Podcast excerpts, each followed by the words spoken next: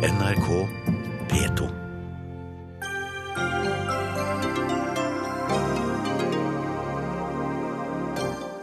Asylsøkere og flyktninger er stikkord for denne utgaven av Dagsnytt 18, der vi skal forsøke å belyse saken fra ulike synspunkter. Asyltilstrømningen skaper sikkerhetsutfordringer. PST-sjef Benedicte Bjørnland kommer til Dagsnytt 18. Høyre og Frp er enige om innstramninger. De møter SV til debatt. Asylsøkere i protesttog er en hån mot virkelige flyktninger, sier Frp, som vil sende misfornøyde migranter ut av landet.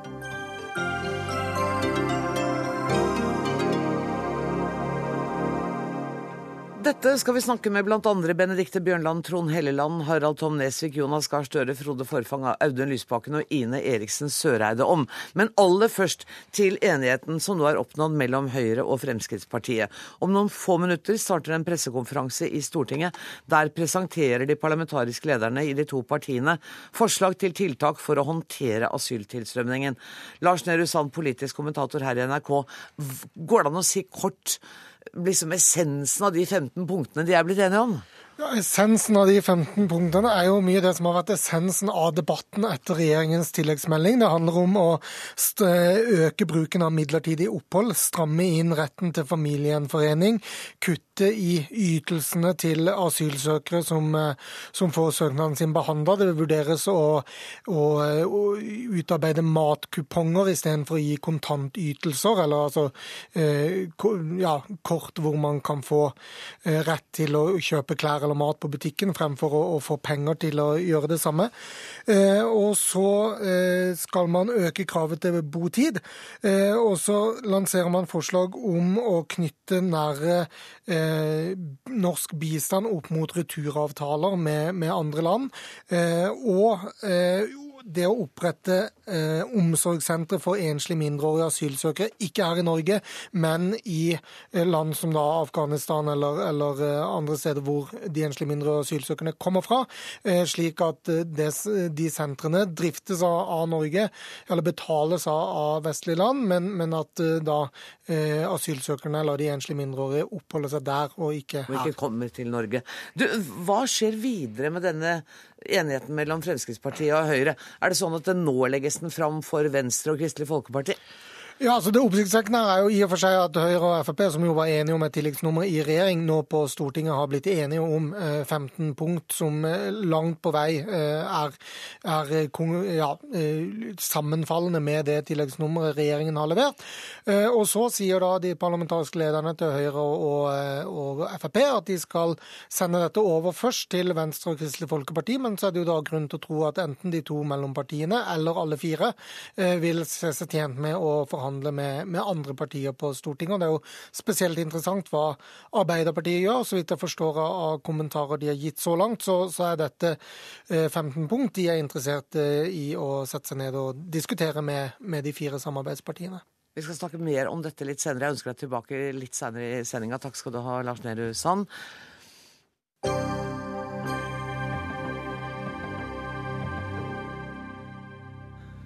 Vi kan ikke utelukke at det kommer asylsøkere til Norge som har onde hensikter. Det økte tallet på flyktninger som kommer til Norge, har negative følger for trusselen knyttet til høyreekstreme i Norge. Det sier Politiets sikkerhetstjeneste i sin nye trusselvurdering.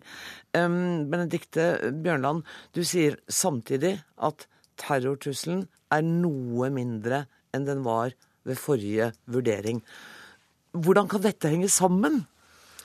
Eh, vel, det henger jo sammen på en måte. Eh, for det første så har vi sagt i en rimelig oppdatert vurdering at eh, når det gjelder trusselen fra ISIL-sympatisører her hjemme, så vurderer vi den som noe redusert. Det har bl.a. sammenheng med svekkelsen i de ekstreme islamistiske miljøene her hjemme.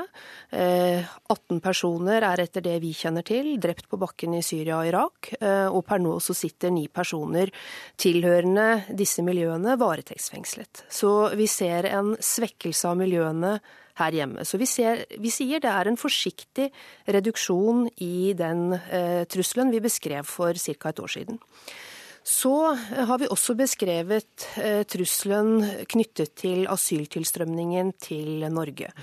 Og eh, som et sånt overordnet bilde så eh, har ikke vi etterretning som tilsier at ISIL eller Al Qaida aktivt deployerer eller sender inn operatører eh, gjennom asylinstituttet. Men vi sier samtidig at det kommer personer nå til Norge som kan ha hatt tilknytning til terrorgrupperinger, og som kan ha slåss på Assads side, og som kan ha deltatt i grusomheter i Syria- og Irak-konflikten. Men det å for så vidt ha hatt en voldelig erfaring eh, på bakken i Syria og Irak, det betyr ikke at man kommer med en voldsintensjon til det landet man søker tilhold i. Sånn at man må på en måte se flere sider av det bildet. Eh, og så er vi også åpne om at dette er etterretning, og det er usikkerhet knyttet til våre vurderinger. Eh, det er bildet slik vi ser det nå, og det kan endre seg på ganske kort tid. Det må jo da bety at dere har en spesiell årvåkenhet med det som nå skjer med at så mange kommer hit? Ja, det har vi. Eh, og vi har et eh, tett samarbeid med både Politiets utlendingsenhet og UDI. Mm. Og det er helt nødvendig, tenker jeg, skal vi kunne gjøre vår jobb. Ehm, men du nevnte også dette med eh, det høyreekstreme miljøet. Ja. Og det tenker jeg det er viktig å få fram at når vi påpeker det spesielt, så er det fordi at eh, de høyreekstreme miljøene i Norge de har eh, innvandring som en type symbolsak eh, og som en samlende sak. Og øker asyltilstrømningen, så kan det virke motiverende og samlende for de høyreekstreme miljøene. Fordi miljøene har vært marginalisert i Norge? Ja, de har det. Fortsatt så mangler disse miljøene tydelige lederskikkelser. Eh, men vi ser at enkeltindivider i randsonen av disse miljøene kan utgjøre en trussel. Hvordan, hvordan skal man møte For det, det, du skisserer, er jo det, det trusselbildet man har levd med lenge. Det tosidige, både de høyreekstreme og IS-tilhengere. Går det an å si noe om hvordan et samfunn kan møte dette på en trygg måte uten å hisse til mer aktivitet? Altså, Hva er liksom deres tanker rundt hvordan man takler dette? Var det utydelig spurt? Eh, det er et vanskelig spørsmål. Jeg tror eh, noe av det viktigste vi gjør, er tidlig forebyggende arbeid. Det har vi snakket om tidligere også, og det mm. gjelder både høyreekstreme og det gjelder ekstreme islamistiske miljøer. Dette her er ikke utfordringer landets sikkerhetstjeneste løser alene.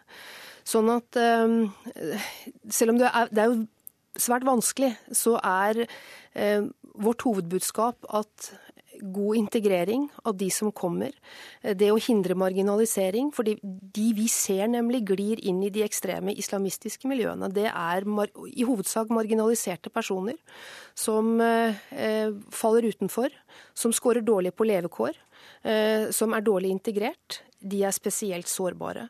Og når det gjelder eh, de høyreekstreme miljøene, så ser vi også at i disse miljøene inngår personer med eh, tidligere kriminelt rulleblad, eh, og der også egentlig eh, personer som scorer dårlig på sosioøkonomiske eh, skalaer. Så på en måte samme type mennesker som bare velger hver sin Noe av det samme, mm. samtidig forskjellig. Du sier at det er usikkerhet knyttet til de vurderingene dere gjør. Hvor utrygg er du når, når, du da offentliggjør en trusselvurdering og sier at sånn som vi ser det nå, så er det en noe lavere trussel fra ISIL? Vi er i hvert fall åpne om at dette er vurderinger som er beheftet med usikkerhet. All etterretning er jo usikkert, og det å spå for fremtiden, det er også beheftet med usikkerhet. Eh, en, eh, altså, endring Endringer kan komme fort som følge av eh, type triggerhendelser eh, som tydeligere plasserer Norge i eh, et fiendebilde for f.eks. ekstreme islamister. Så vi har ikke laget noe tidshorisont på den siste vurderingen vi kom ut med nå, og sier at vi vil heller komme med en ny vurdering hvis ting skulle endre seg. Og det er ikke noen begrensning i tid på altså Dere kan komme med de trusselvurderingene akkurat når dere vil? Det kan vi gjøre hvis vi ser plutselige endringer, f.eks. i eh, strategiske drivere. Hvis jeg spør deg hvordan det ser ut akkurat i dag? Så er den vurderingen den samme som når vi kom med eh, en vurdering knyttet til asyltilstrømningen for ca. en eh, ja, det er vel fire dager siden. Fire dager siden. Ja. Tusen takk for at du kom til eh, Dagsnytt 18, sjef PST Benedikte Bjørnland. Hør Dagsnytt 18 når du vil. Radio NRK.no.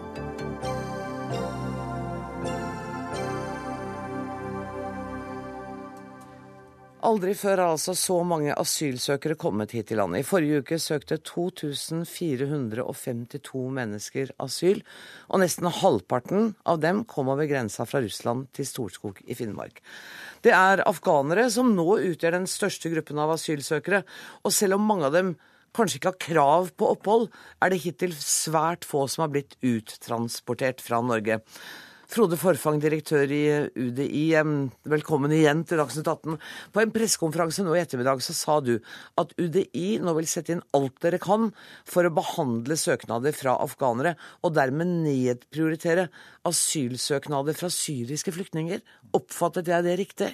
Ja, altså nå er jo utgangspunktet vårt at vi har en eh, nokså eh, begrenset kapasitet eh, i forhold til det antallet asylsøkere som kommer til Norge.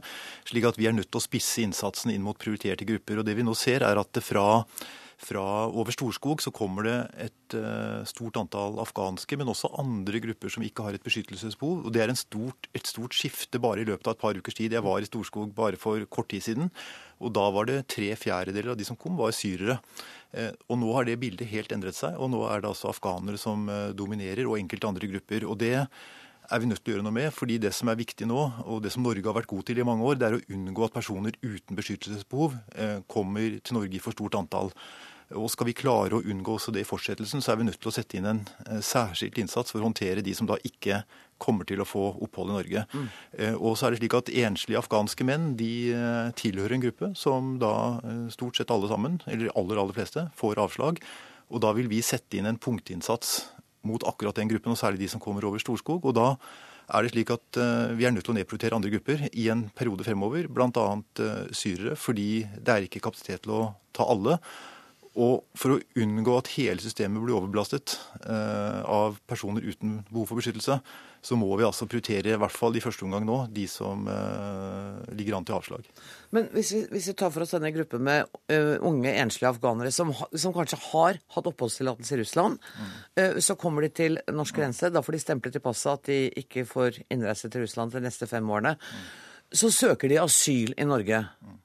Har ikke de da krav på både å få saken behandlet og muligheten til å anke? Jo. Det jeg er ute etter er liksom hvor fort kan det gå at man kan få dem ut igjen? Ja, altså det, det er klart at uh, De har krav på en ordentlig prosess. Det som er viktig, er at den går fort i alle ledd. Hvor fort eh, kan den gå? Ja, det er vanskelig å si, fordi at uh, det har jo også noe med det totale antallet som kommer å gjøre, og den totale kapasiteten. Vi snakker uh, uker her, gjør vi ikke det? Ja, altså det er, Vi får se hva vi kan få til i noen tilfeller. Vi ønsker å se om vi kan få tatt noen åpenbare saker og få tatt dem så raskt som overhodet mulig. Men det er klart at antallet afghanere som bare kom forrige uke til Norge, var jo over 800, og rundt halvparten av dem over Storskog. Og det er klart at, eh, det er klart at eh, alle de kan vi ikke ta på én gang, men, men, det som er viktig, er at vi nå setter inn en innsats og prioriterer dette som vår viktigste gruppe, dette og et par andre grupper som ligger an til avslag, og sørge for å sende tydelige signaler tilbake om at disse ikke har et beskyttelsesbehov. Og vår erfaring i hvert fall fra tidligere er at når man begynner å fatte den type avslagsvedtak, og, og, andre ser at det skjer, eh, så pleier det å ha en effekt på ankomsten av disse gruppene. Så får vi se om det eh, har den effekten nå. Ja, for det, det, er jo, det, er jo, noen paradokser her. Det er flere enn 3500 mennesker har kommet hittil i år eh, over grensa ved Storskog. Åtte er returnert. Ja, og det er eh, Åtte? Ja. Og Det er jo da personer som da har en tilknytning til Russland, eh, er de som da har vært returnert. Eh, returnert. Så er det bare husk Når du sier det tallet som har kommet hittil i år, så må jeg si at de aller fleste har jo kommet til aller siste tiden. Dette har jo eskalert veldig i løpet av noen få uker. Det øker fra uke til uke. Og, og veldig mange av de som har kommet over Storskog, har kommet i løpet av de siste ukene. Og det skiftet eh, i retning av flere personer uten beskyttelsesbehov, det har da skjedd særlig de siste to ukene. Men går det an å gjøre noe med den prosessen? Så, fordi jeg forstår at i det øyeblikk du eh, søker om asyl, så får du avslag, så har du krav på anke. Men er det noe man kan gjøre byråkratisk, juridisk, for å få den kortere, den prosessen der? Det er jo noen grupper som vi faktisk kan behandle på 48-timers prosedyre. F.eks. så er det slik at uh, søkere fra Balkan, altså albanere, Kosovo, Serbia, det er grupper som vi kan behandle på 48 timer. Og det er land som vi på forhånd har definert som trygge land. og Det betyr også at de kan returneres uten at en klage er behandlet. Uh, og er, Det er faktisk ganske viktig at vi har fått det systemet på plass i Norge, og det fungerer. fordi at i Tyskland f.eks. så har jo nå i, no, i lengre tid den nest største gruppen eh, av de som kommer, har jo vært eh, dels Kosovo i noen perioder og albanere i andre perioder. Eh, så det er veldig viktig at vi klarer å holde fanen høyt der. Men så har vi da afghanere som er en litt annen kategori. For du kan ikke, du kan ikke i utgangspunktet definere Afghanistan som et, trygt land, som, som, som trygt land i utgangspunktet, men så er det grupper innenfor dette, og det er særlig enslige voksne menn. og selv om de kommer fra utrygge områder, noen av dem, i Afghanistan, så er det slik at vi henviser dem til det vi kaller internflukt. Det betyr at hvis det er trygge områder i Afghanistan, så henvises de dit. Eh, og det er det som er grunnlaget for at veldig mange av dem får avslag. Rune Rafaelsen, du er ordfører i Sør-Varanger kommune. Over 1000 asylsøkere kom over grensa i din kommune i forrige uke. Hvor lenge kan det være sånn før systemet bryter helt sammen? Ja, Et godt spørsmål.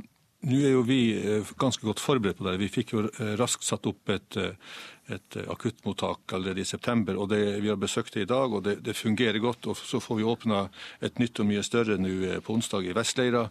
Sånn at Vi kan selvfølgelig håndtere det her, men det tar på. Folk er veldig slitne, men det gjøres et veldig godt arbeid. Eh, helsevesenet er veldig belasta.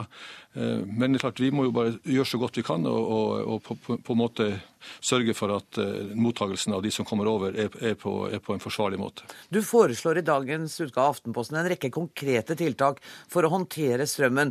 Altså Bl.a. et eget UDI-kontor i Kirkenes og direktefly mellom Kirkenes og Kabul.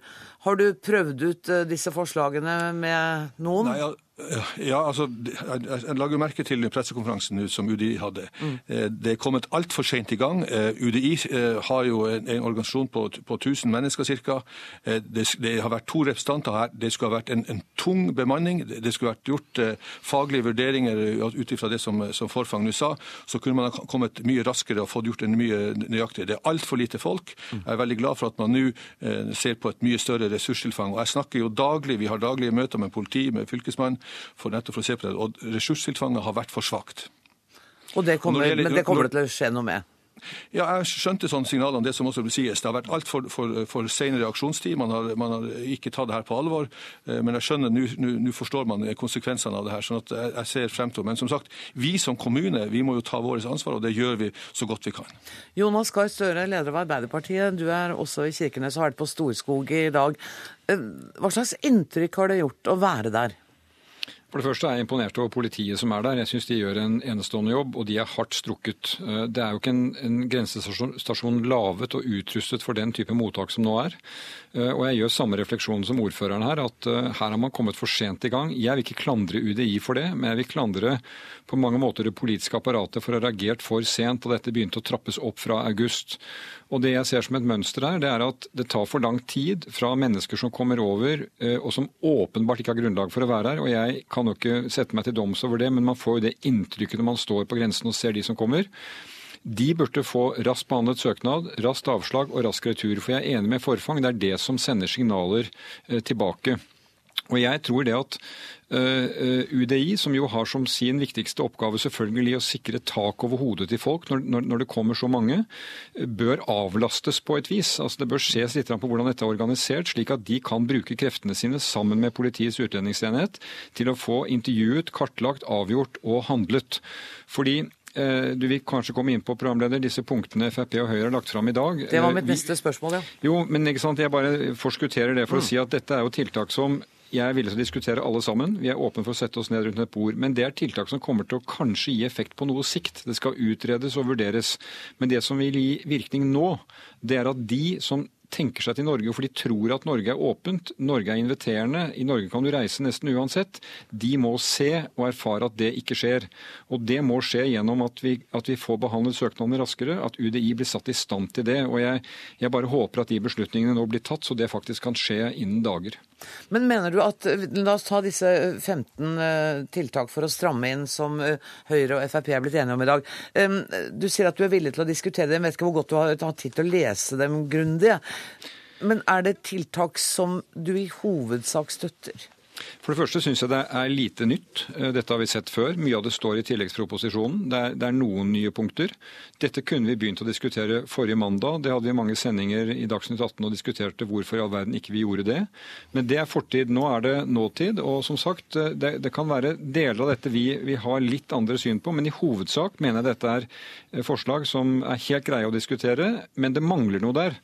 Og Hvis vi inviteres til et sånt forlik, som vi vil da takke ja til på timen, så vil vi også legge til det vi nå har snakket om, nemlig tiltak som vil gjelde her og nå. Opprustning av systemet, organisering på en bedre måte, slik at vi får brukt ressurser på å håndtere disse søknadene som ikke er gir grunnlag for asyl. Og jeg vil bare legge til at Det er jo viktig for å håndtere det som er en hovedutfordring, er nemlig asylinstituttet. De som trenger beskyttelse. Og det jeg er redd for, det er at hvis det blir for mange av de som ikke trenger beskyttelse, som sprenger kapasiteten, vel, da lever vi ikke opp til de kravene vi har i forhold til de som trenger beskyttelse. Og det, Også derfor haster det å få gjort noe med dette. Tusen takk skal du ha, Jonas Gahr Støre. Takk også til Rune Rafaelsen og til Frode Forfang.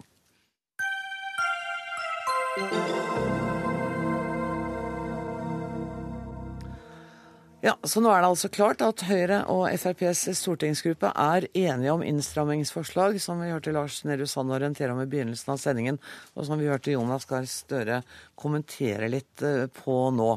Eh, velkommen i studio, Hanne Skartveit eh, politisk redaktør i VG. Nå hørte vi Jonas Gahr Støre sa at det er ikke noe nytt i dette, det er ting vi har diskutert før.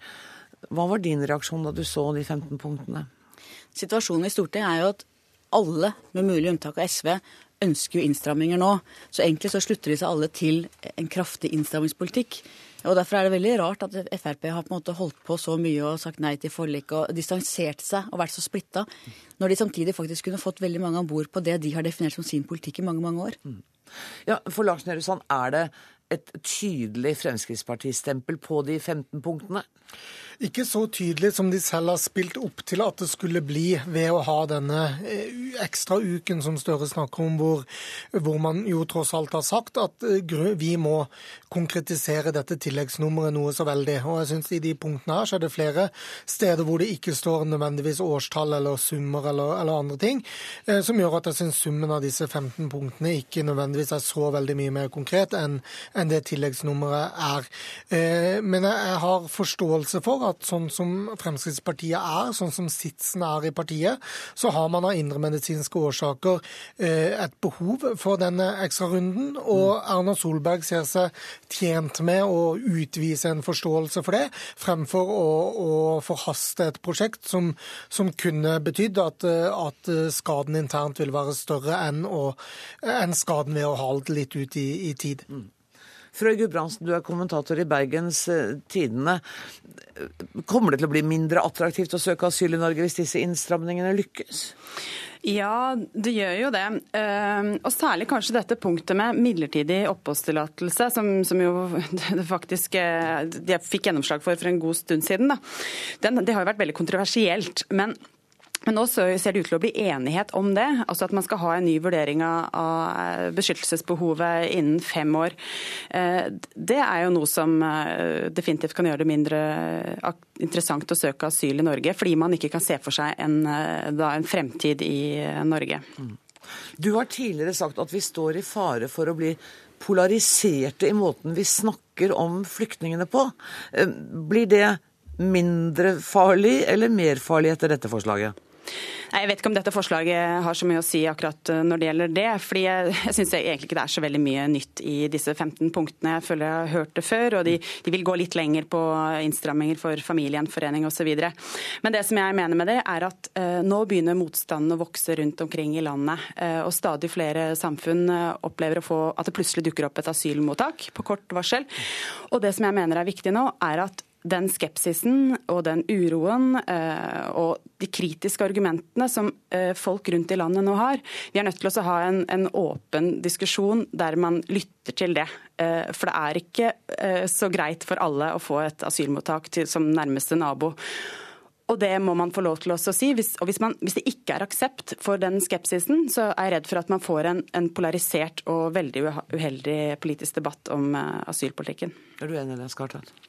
Ja, Samtidig så skal vi huske at Norge i hvert fall mener jeg, har hatt en god debatt om disse spørsmålene når det gjelder integrering, asylpolitikk, innvandring. Du har de to motpolene Sverige, hvor det ikke har vært lov å diskutere noe, og Danmark har det vært en etter min mening altfor brutal debatt om disse spørsmålene. Og Norge har ligget i midten. og Jeg tror vi fortsetter å være der. Jeg tror vi er ganske flinke til å snakke om tingene sånn som de er.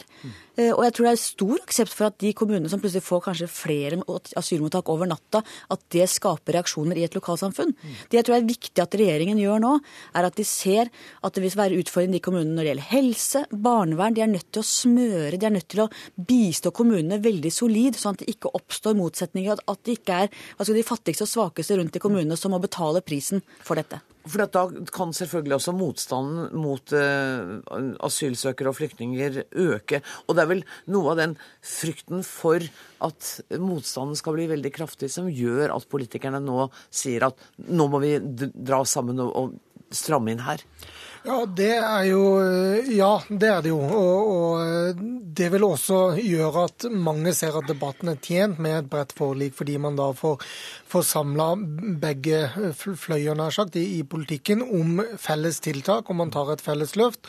Og det blir en mindre polariserende debatt av det, eh, bør det jo være grunn til å tro. Eh, men eh, så ser vi jo også at det har vært et stemningsskifte både i politikken og i, i folket generelt, bare fra valgkampen hvor det jo var veldig dugnad og, og velkommen til Norge og stemning. Mens det nå er, er som Gudbrandsen er inne på, veldig mye mer eh, skepsis knytta til i hvert fall de som kommer veldig tett på stuedøra til mange. Ja, og, og Gudbrandsen, Det er jo helt riktig som Lars Nehru Sand sier, at vi, nå, nå, er det ikke så mange oppslag i avisene om alle de som samler inn klær og mat og penger og, og, tar folk inn i husene. Er det en konsekvens av at det har vært for mange asylmottak etablert i forskjellige kommuner? Jeg tror ikke det bare er det. Altså, jeg tror, eh, tror det skiftet måtte komme uansett. Eh, men eh, men det som er viktig nå, er jo at man klarer å holde på det engasjementet som faktisk fortsatt er der. For det er utrolig mange som nå skal bosettes etter hvert i kommunene. Og som, disse mottakene også, ehm, eh, de blir jo værende der ganske lenge. Og man er helt nødt til å få hjelp av de frivillige og lokalsamfunnet for å få dette til å fungere. For dette er en helt enorm utfordring for det norske samfunnet. Og hvis den frivilligheten eh, nå begynner å forvitre, det har jo skjedd lite grann, men fortsatt er den sterk. Altså Hvis den forsvinner, da får man et alvorlig problem. Men jeg tror fortsatt det er eh, mulig å holde på det. Og Noe av hensikten med disse 15 punktene og med aksjoner fra UDI har jo vært at vi skal redusere tilstrømningen av folk. Bidrar dette til det, Skartvedt? Ja, det tror jeg. Signaler er viktig i asylpolitikken. Og det er en bred erkjennelse om at du kan ikke ha så mange innover grensen som det du har nå. Det, er, det mener de aller, aller fleste.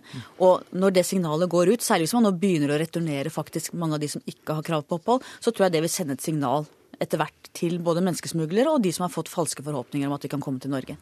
Lars Nehru Sand, så Det blir ikke noe stort bråk om dette her. Det blir bare kanskje SV. Vi skal ha SV med, som skal debattere med Høyre og Frp seinere i sendinga. Det blir kanskje bare SV som eh, er kritisk her? Det kan godt være at det er noe sånn. Det kan også godt være at SV inntar en holdning med å, å, gå med i forhandlinger eller samtaler om disse 15 eller eventuelt flere da, eh, tiltak til, til innstramminger. Eh, men eh, det som er viktig å huske på, er at selv om man kanskje får redusert tilstrømningen, så er kapasitet kapasitetsproblemet i Norge for hele det norske asylsystemet fra registrering og første intervju til bosetting i en kommune, det vil vedvare, og det vil vare i mange år.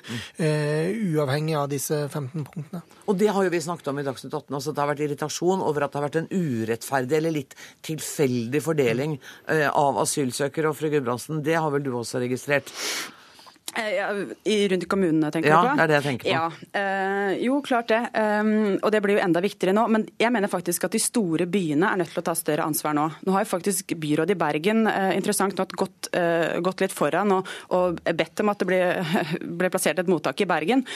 Og Det tror jeg er viktig, fordi byene har større kapasitet og har mye mer å gå på enn de små lokalsamfunnene har. Så, så flere byer burde jo se til det som byrådet i Bergen faktisk har gjort nå, for at man skal skal klare å håndtere dette på en bedre måte i lang tid framover. Det var siste ord i denne runden. Tusen takk skal dere ha, Frøy Gudbrandsen, Hanne Skartveit og Lars Nehru Sand. Dagsnytt 18 alle hverdager klokka 18. På NRK P2 og NRK2.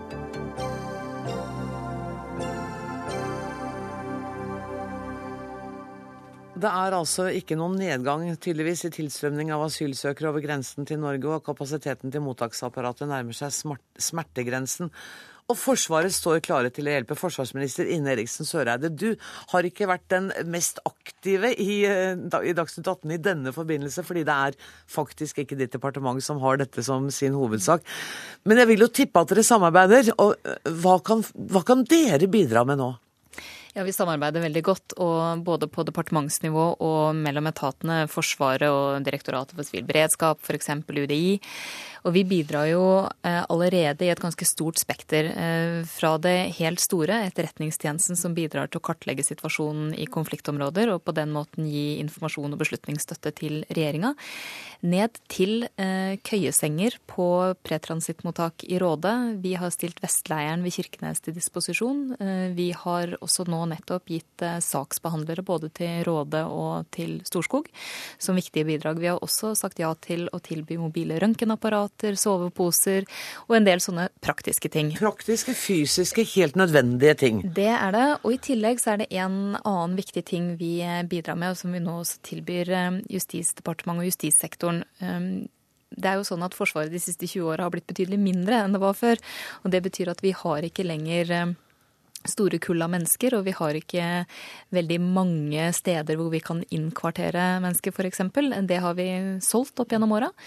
Men det vi derimot har, og som er en konsekvens av den forandringa i Forsvaret, er at vi er gode på å inngå kontrakter med sivile om f.eks. leveranse av transporttjenester. Og den kompetansen har vi eh, tilbudt at vi kan eh, hjelpe Justisdepartementet med. Fordi at eh, det er et behov også for transport, for innkvartering, og vi bruker da sivile leverandører i det arbeidet sjøl.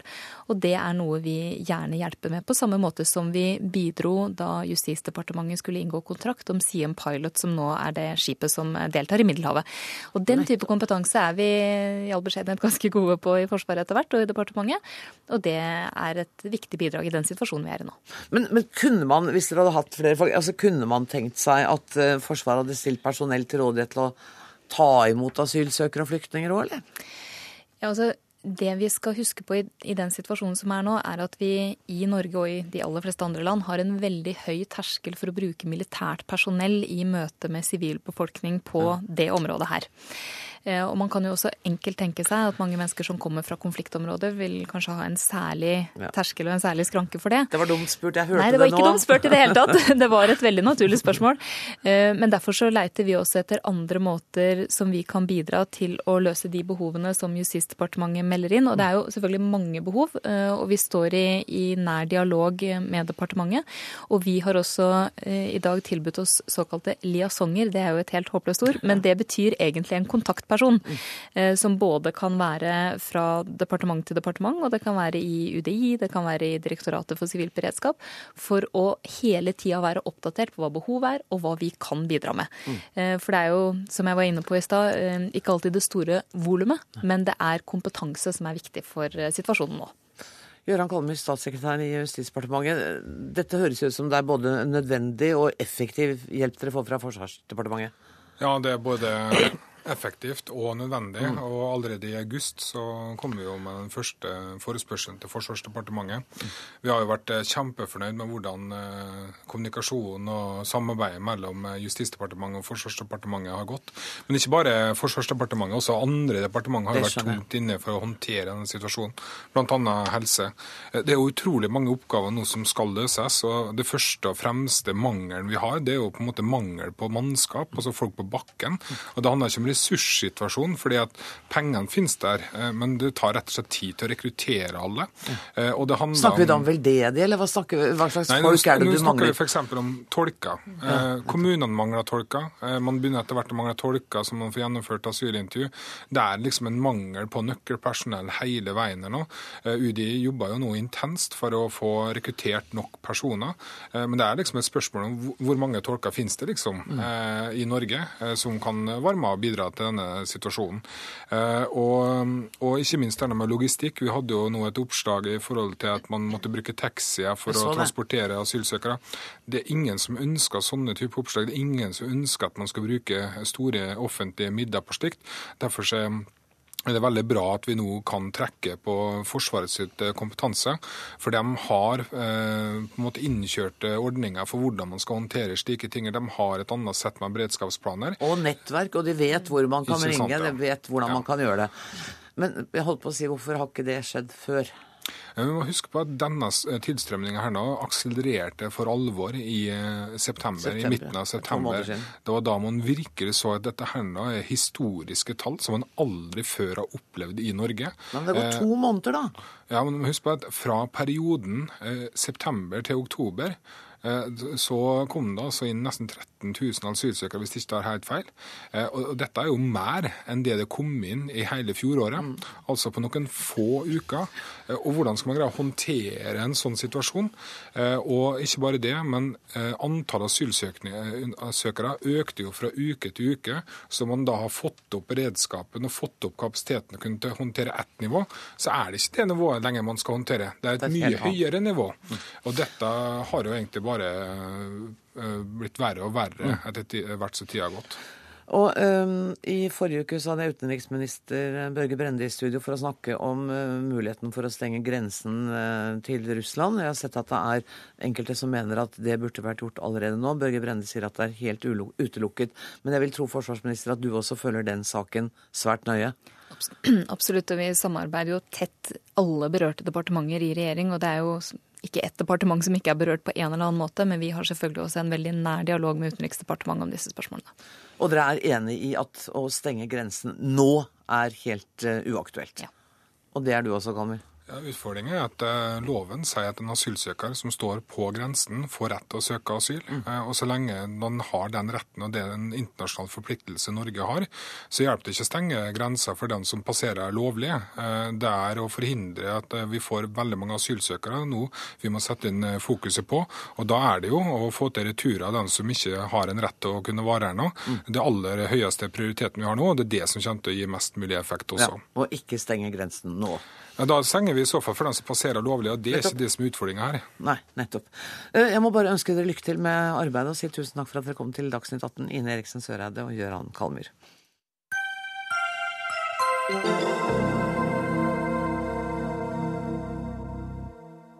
Norske kommuner sliter altså med å finne tilfredsstillende steder å huse alle asylsøkerne som kommer inn i landet. Statsminister Erna Solberg har varslet at vi må forvente lavere standard på flyktningmottak når pågangen er så stor, men noen steder har tilbudet allerede vakt reaksjoner. Flere steder er det kommet klager på for lite og for dårlig mat, dårlige sanitære forhold og for dårlig tilgang på medisinsk hjelp. I helgen gikk 50-60 asylmottakere fra et mottak i Sarpsborg i protesttog mot det de mener er kritikkverdige forhold. Og det fikk deg umiddelbart til å be dem komme seg ut av Norge, Mazyar Keshvari, innvandringspolitisk talsperson i Frp. Eh, hva var det som opprørte deg så veldig ved den demonstrasjonen? Det som eh, opprørte meg i den demonstrasjonen og lignende tilfeller vi ser både i Norge og resten av Europa, det er at vi befinner oss i en situasjon der 60 millioner medmennesker er eh, kategorisert som flyktninger. Der eh, millioner på millioner av mennesker befinner seg i akutt fare, nød, og har store utfordringer med å eh, overleve og komme seg gjennom livet. og trenger beskyttelse. Så har vi altså en situasjon også der Europa nå begynner å slite. altså Både den forrige debatten og andre ting viser at kapasiteten begynner å bli sprengt i europeiske landene, og også Norge. Mennesker jobber døgnet rundt på alle nivåer i det norske samfunn for å ta seg av eh, de som trenger en trygg havn. Og så har vi da disse menneskene som er blant de aller, aller heldigste, som har fått lov til å komme til et trygt land, noe som jeg ville tro var det aller viktigste når man hevder at man er asylsøker og forfulgt. De får mat, de får klær, de får dekket de grunnleggende eh, behovene som de har, eh, på et sted som i mange tiår fungerte utmerket for eldre norske mennesker som bodde der. Det har jo vært et sykehjem der før det ble eh, et mottak så klarer de da å prestere og demonstrere eh, og klage over at maten som de får servert tre ganger om dagen og internettforbindelsen ikke er bra nok, det syns jeg er et hån overfor de millioner av mennesker nå som befinner seg i akutt nød. som kommer og kommer menneskene. De har vært i akutt ja, det. Det, det, er ikke, det vet vi ikke. Vi har ikke behandla asylsøknadene deres enda. Eh, men folk som klager over internettforbindelse og makeretter Det er jo tre av de tre på, på der. Det var det, og så var det det at det var ikke rent nok der. Og det kunne dere lett ha løst sjøl ved å bidra. Poenget er bare at hvis beskyttelse hadde vært eh, primære målet for at de kom til dette landet, så tviler jeg på at de hadde gått i protesttog mot internettforbindelsene og matrettene de får servert gratis tre ganger om dagen. Jon Ole Martinsen, du er seniorelever i NOAS, Norsk organisasjon for asylsøkere. Hvordan reagerer du på dette? Altså, Først og fremst så må jeg bare presisere at det verken var maten eller internett som var hovedårsaken til denne protestaksjonen. Altså, Det var de sanitære forholdene, det var helseforhold, og så er det denne situasjonen hvor dette er et ankomstmottak, altså et transittmottak, hvor det ikke var meningen at man skulle være mer enn tre-fire dager, og disse har vært der i fire-fem uker. Her handler det mye om kommunikasjon, og det handler også om at man må ha en forståelse for at dette er menneskelig frustrasjon.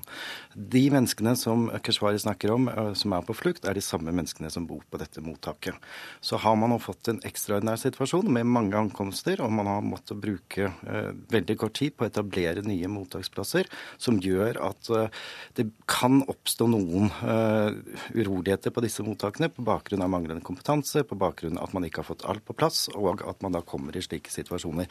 Da er det viktig å ikke hogge hodet av de som sier ifra, og det er viktig å ikke hogge hodet av mottaket. Man må derimot søke kommunikasjon. Vi står nå overfor en oppgave hvor det er viktig å få folket til å gjøre en innsats for å få integrert disse menneskene som kommer til Norge, flyktninger som kommer til, til Norge. 75-80 av de som bor på mottak i dag, de skal bli boende i Norge. Da trenger vi ikke reaksjoner som, eh, som da skaper og nærer opp om hat og avstand. Vi trenger reaksjoner som sier at dette er en situasjon som vi må se på. Vi må tilrettelegge og ivareta det engasjementet som er ute i samfunnet nå, for å få til en best mulig integrering. Og Det perspektivet savnet jeg både fra din reaksjon og fra Kalmyrs reaksjon. Altså, hvor det første var, var å komme med uttalelser som nører opp sånn typisk Facebook-likes, altså for å si da at altså, vi er mot flyktninger.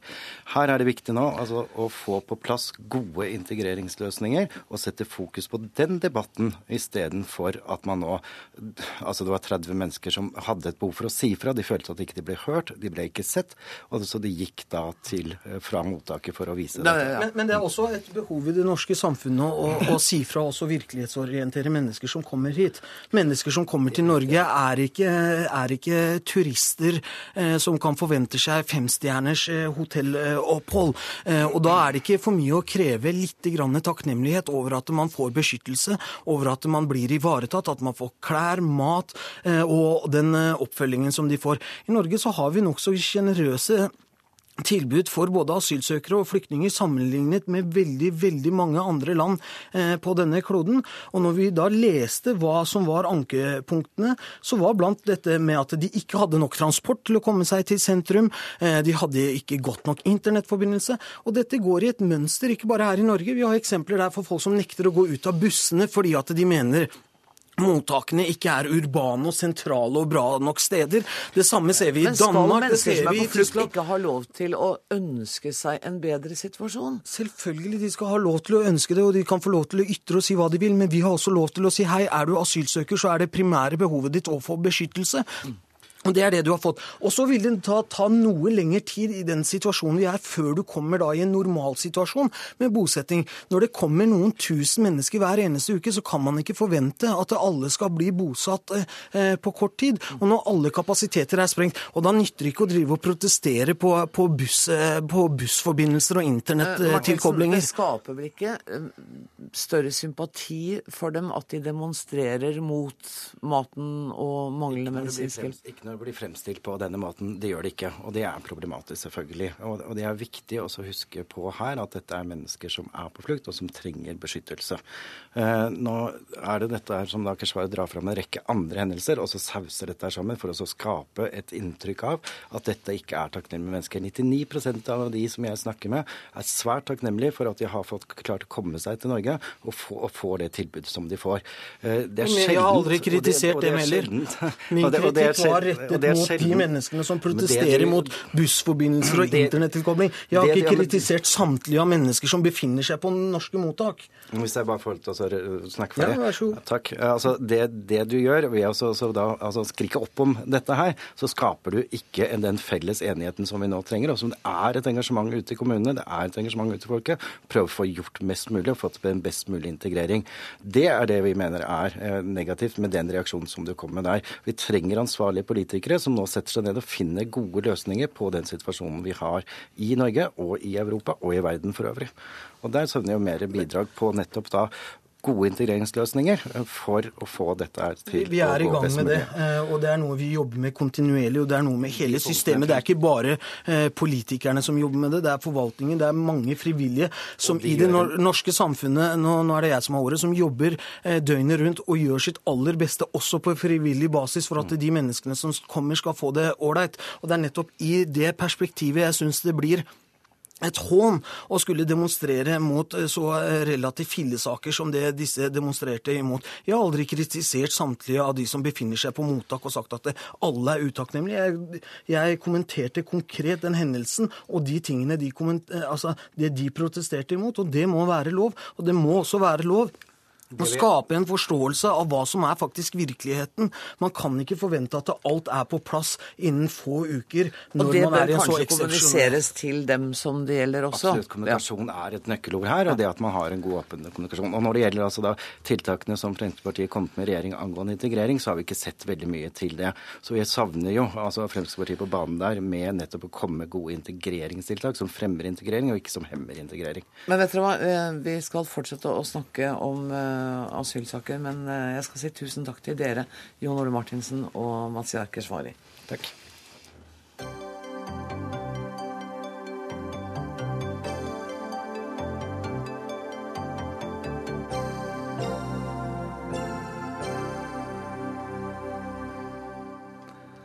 Ja, som vi har vært innom flere ganger i løpet av denne sendinga, som vi hørte i begynnelsen av sendinga, så har også Høyre og Fremskrittspartiet eh, nettopp lagt fram sine forslag til tiltak for å håndtere asyltilstrømningen til Norge. Det har vært en eh, pressekonferanse mens vi har holdt på her i dette studio. Og Trond Helleland, parlamentarisk leder i Høyre, du er med oss fra studio i Stortinget. Etter din mening, hva er det aller viktigste av det dere har blitt enige om i dag? Jeg tror det aller viktigste er at vi nå har fremma 15 forslag for innstramming av asylpolitikken, som vil sende et veldig sterkt signal til de som ikke har grunnlag for opphold i Norge, om å ikke komme hit. Og Hvis vi får bred tilslutning til det politisk, hvis flere partier vil være med på innstramningsdugnaden, så vil dette virke, og vi vil få asyltallene ned, og vi vil kunne ta hånd om de som virkelig har krav på beskyttelse. Hvor vanskelig har det vært for dere å bli enige om akkurat disse 15 punktene? Mange av punktene har jo utspring i den tilleggsmeldingen som regjeringen eh, la fram, men det er en konkretisering. og Det har jo vært et ønske fra flere om å få rask handling nå. og Det å konkretisere dette sånn at vi kan fatte vedtak i Stortinget før eh, la oss si, utgangen av november, vil jo være en absolutt fordel, for da vil tiltakene raskt kunne iverksettes. og Det har vært det viktigste. Harald Tom Nesvik, parlamentarisk leder i Frp, også med oss fra stortingsstudio. Eh, det har vært uenighet innad i ditt parti. Er disse 15 punktene tiltak som hele partiet stiller seg bak? Er det ingen i stortingsgruppa til Fremskrittspartiet som har eh, varsla at de er imot disse punktene. Okay. Eh, det er alltid slik at også når man er to forskjellige partier, at man, man har ulik politikk på feltet. Her har vi klart å komme frem til 15 15 ulike eh, forslag knytta til innstramming på asylfeltet. Og det summen av disse tiltakene er svært viktig eh, for å gi det signalet utad at man nå strammer inn på denne politikken. Og det er det som vi ønsker skal sitte igjen. Så er det helt åpenbart. Her ligger det tiltak knytta til når det gjelder innstramming når det gjelder familiegjenforening, mm. når det gjelder midlertidig opphold, når det gjelder krav til ytelser etc. Så det er et brei liste med spesifikke tiltak til innstramming som nå er helt nødvendig. Eh, og bare for å ta ett av dem, for Vi rekker ikke gjennom alle 15. Men et av forslagene er at oppholdstid ikke lenger skal danne grunnlag for permanent oppholdstillatelse.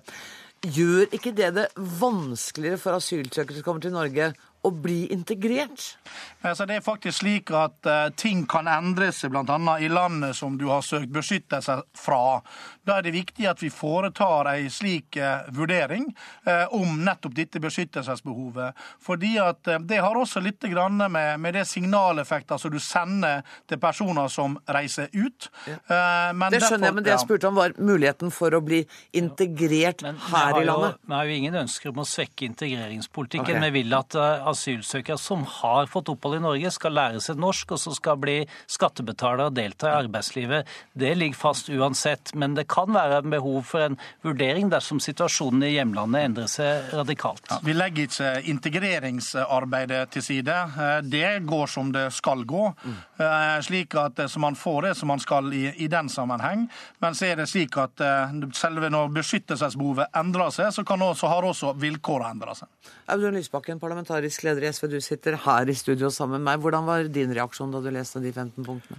At her er jo overraskende lite nytt. Flertallet av disse forslagene er ting vi har sett før. Noe av det er SV uenig i, noe er vi eh, enig i. Eh, det som overrasker meg mest med denne listen, er jo at den er helt blottet for integreringspolitikk. Jeg tror det er mange i Norge eh, lurer på nå.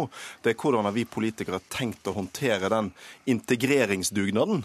Her oppfatter jeg at vi kun blir invitert til en innstrammingsdugnad, mens det kanskje aller viktigste spørsmålet nå, det er hvordan sørger vi for at de som kommer hit, lærer norsk? Hvordan sørger vi for at de blir bosatt raskt? Hvordan sørger vi for at vår arbeidslivsmodell klarer å ta imot alle disse menneskene uten at det skaper større forskjeller og et uh, stor arbeidsløshet blant uh, de som kommer her? Og Her er jo ikke et eneste tiltak som handler om det. Det er Men veldig Helleland sa jo nettopp at integreringsarbeidet går, så, ja. altså det går parallelt. Og det er feil det Lysbakken sier. Men, men, det er jo ikke godt nok. ikke sant? Altså, jeg tror alle er enige om at vi trenger altså Er det noe vi virkelig trenger brede samtaler om, og som jeg håper at vi kan diskutere i de, i de samtalene vi kanskje etter hvert får, så er det jo kan vi, kan vi, gjøre noe for å reformere bosettingssystemet vårt? Kan vi gjøre noe for å skjerpe retten og plikten til å lære norsk? Disse tingene har jeg et sterkt ønske om å diskutere med Helleland og Nesvik, og det, det håper jeg vi får anledning til. Det vil Lysbakken få veldig god anledning til, for som han vet, så har regjeringen sagt at de vil legge frem en integreringsmelding våren 2016. I forbindelse med den så har vi sagt også i denne tiltakslista at vi skal arbeide fra modell og tiltak for å styrke det frivillige arbeidet med integrering og aktivitetstilbud i mottak, og så skal vi komme tilbake til dette i forbindelse med integrering integreringsmeldingen. Det som er viktig nå, Audun Lysbakken, og det var bra at du signaliserte at du var faktisk enig i noen av tiltakene, det er jo at vi nå får en eh, asyltilstrømning til Norge som baserer seg på asylsøkere som har rett og krav på opphold i Norge, på beskyttelse, og dermed ikke får en asyltilstrømning som vi ser nå, der svært mange ikke har krav på opphold. Derfor er det viktig at Stortinget samler seg, sender sterke signaler om at vi må stramme inn asylpolitikken for å kunne drive en bedre integreringspolitikk seinere. Ja, altså, denne saken her dreier seg rett og slett rett nå om eh, å få på plass eh, de viktige eh. Eh, og jeg utfordrer jo da eh, altså Når, når Audun Lysbakken har lest gjennom disse forslagene, og gir da tilbakemelding på hvor han kan være med da å skape flertall for disse. Og Jeg utfordrer også Lysbakken til å komme med, med andre innstrammingsforslag som han mener da kan ha, ha, virkning på dette. For Nå er det viktig at vi får på plass denne politikken, og at vi får sendt dette signalet. For vi kan ikke lenger sitte og se på de enorme mengdene med personer som nå kommer inn over grensa. Det har du sagt tidligere, og i og for seg er dere vel ikke avhengig av Lysbakkens eh, støtte for å få dette igjennom. Hvis eh, Arbeiderpartiet støtter det, så Men Lysbakken, du kan jo lese Nei, men det. jeg tror jeg skal ta på alvor at vi er flere partier i Stortinget som har et annet utgangspunkt. KrF, Venstre, De Grønne og SV er nå ganske enige om dette. Det blir ikke noe bredt forlik hvis ikke også vi eh, er med. Eh, Og da er jeg opptatt av at vi skal stramme inn der vi kan sørge for at mennesker uten beskyttelsesbehov ikke kommer til Norge. Men vi må ikke stramme inn sånn at vi forsurer og ødelegger integreringen av de som vil få opphold i Norge. Det er det for mye av her. Og så kan vi jo ikke utsette integreringspolitikken til våren 2016. Den må også begynne nå. Jo- Og det forutsetter jeg at vi også kan diskutere. Men, men, vi har jo en integreringspolitikk som du også, Ja. Audun Lysbakken, har vært med på å utforme som minister. og det er klart at eh, Den ligger fast, men eh, det som jeg ser nå, er jo en ekstrem eh, belastning på mottakssystemet, på muligheten for returer og andre ting. og Det er der vi mener at det er viktigst å handle raskt. Ja, det har vi så- skjønt. Jo da, men det, virka ikke som Lysbakken hadde skjønt Jo, det. men det skjønner jeg, Helleland. Men problemet er jo at vår integreringspolitikk er ikke dimensjonert for det antallet som kommer nå. Eh, Og det viser jo nettopp det budsjettforslaget dere eh, har lagt fram, der dere f.eks. kutter i norskopplæringen. Vi må jo nå gjøre noe med bosettingssystemet vårt og mottakssystemet vårt, sånn at det blir satt i stand til å møte disse Vi disse kutter ikke på norskopplæringen for de som skal integreres i Norge, vi kutter på norskopplæring for de som sitter i asylmottak og ikke har fått sin søknad behandla. Men det er jo mange av de samme. kan, jeg få lov å være med litt i denne samtalen, bare et lite øyeblikk? Fordi det første punktet uh, av det dere er blitt enige om, går ut på å sikre retur av personer som søker asyl til Norge, og som har hatt opphold i Russland, og gi dette arbeidet høyest prioritet. Altså, det går ut fra Her betyr det at man skal ha dem fort ut av landet. Men jeg snakket med eh, sjefen for UDI, Forfang, litt tidligere i sendinga, som sa at noe av problemet er at uh, f.eks. enslige mannlige afghanere som kommer og søker asyl Norge ser ikke på Afghanistan som et sikkert land. Dermed har de altså anledning til eh, å anke avslaget, og da tar det tid. Hvordan har dere tenkt å løse det?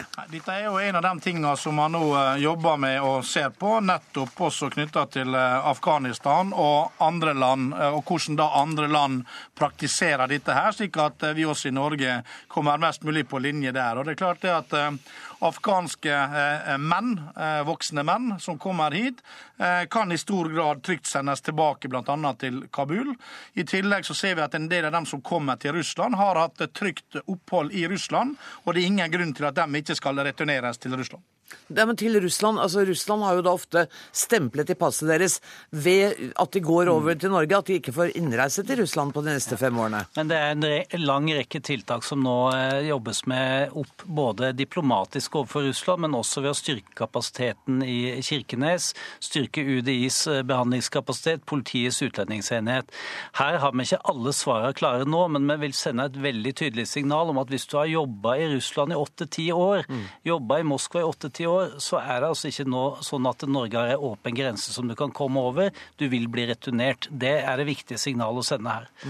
Men Det som er litt pussig her, er at på den ene siden så sier da regjeringspartiene at um, nå skal vi bare gjøre det akutte, derfor skal vi ikke diskutere integrering. Til tross for at bosetting og uh, norskopplæring f.eks. er akutte utfordringer med alle de som kommer nå.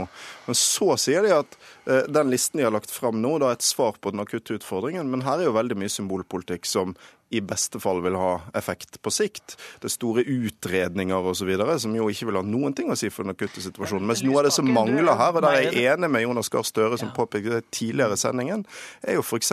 tiltak knyttet til den akutte situasjonen på Storskog. Det er det ingenting av her. Så, så det bærer ikke preg av å være så veldig akutt. Men, men eh, må jeg få lov å si, når vi legger frem denne lista, så er det fordi at vi ønsker å drøfte den med eh, de andre partiene på Stortinget, med de som ønsker tilslutning til en strammere asylpolitikk.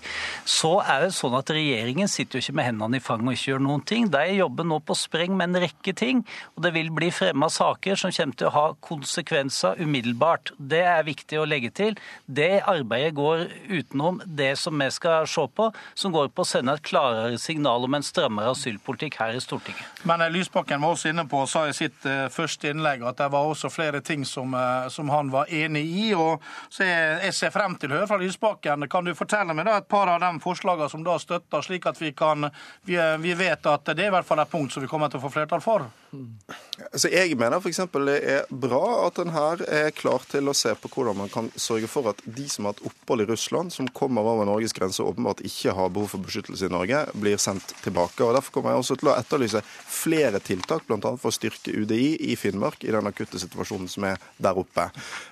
Sånn at det som handler om å sørge for at vi i denne situasjonen får mest mulig kapasitet til de som faktisk trenger beskyttelse, og minst mulig til de som ikke trenger det, det er jeg veldig klar for å diskutere. Men da må vi heller ikke eh, altså helle ungen ut med badevannet og innføre en masse ting som gjør at mennesker som skal forbli, ikke blir integrert. F.eks. hvis vi drar dette med midlertidighet ut i det ytterliggående, som jeg opplever at dette forslaget i hvert fall antyder. Helleland, ti sekunder får du før vi må sette strek for denne sendinga.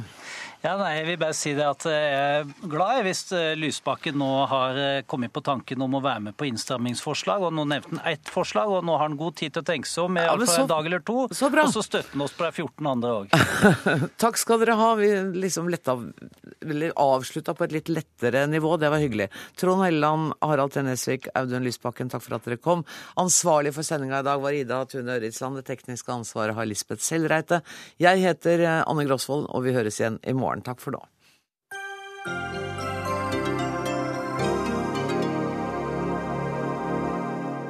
Hør flere podkaster på nrk.no podkast.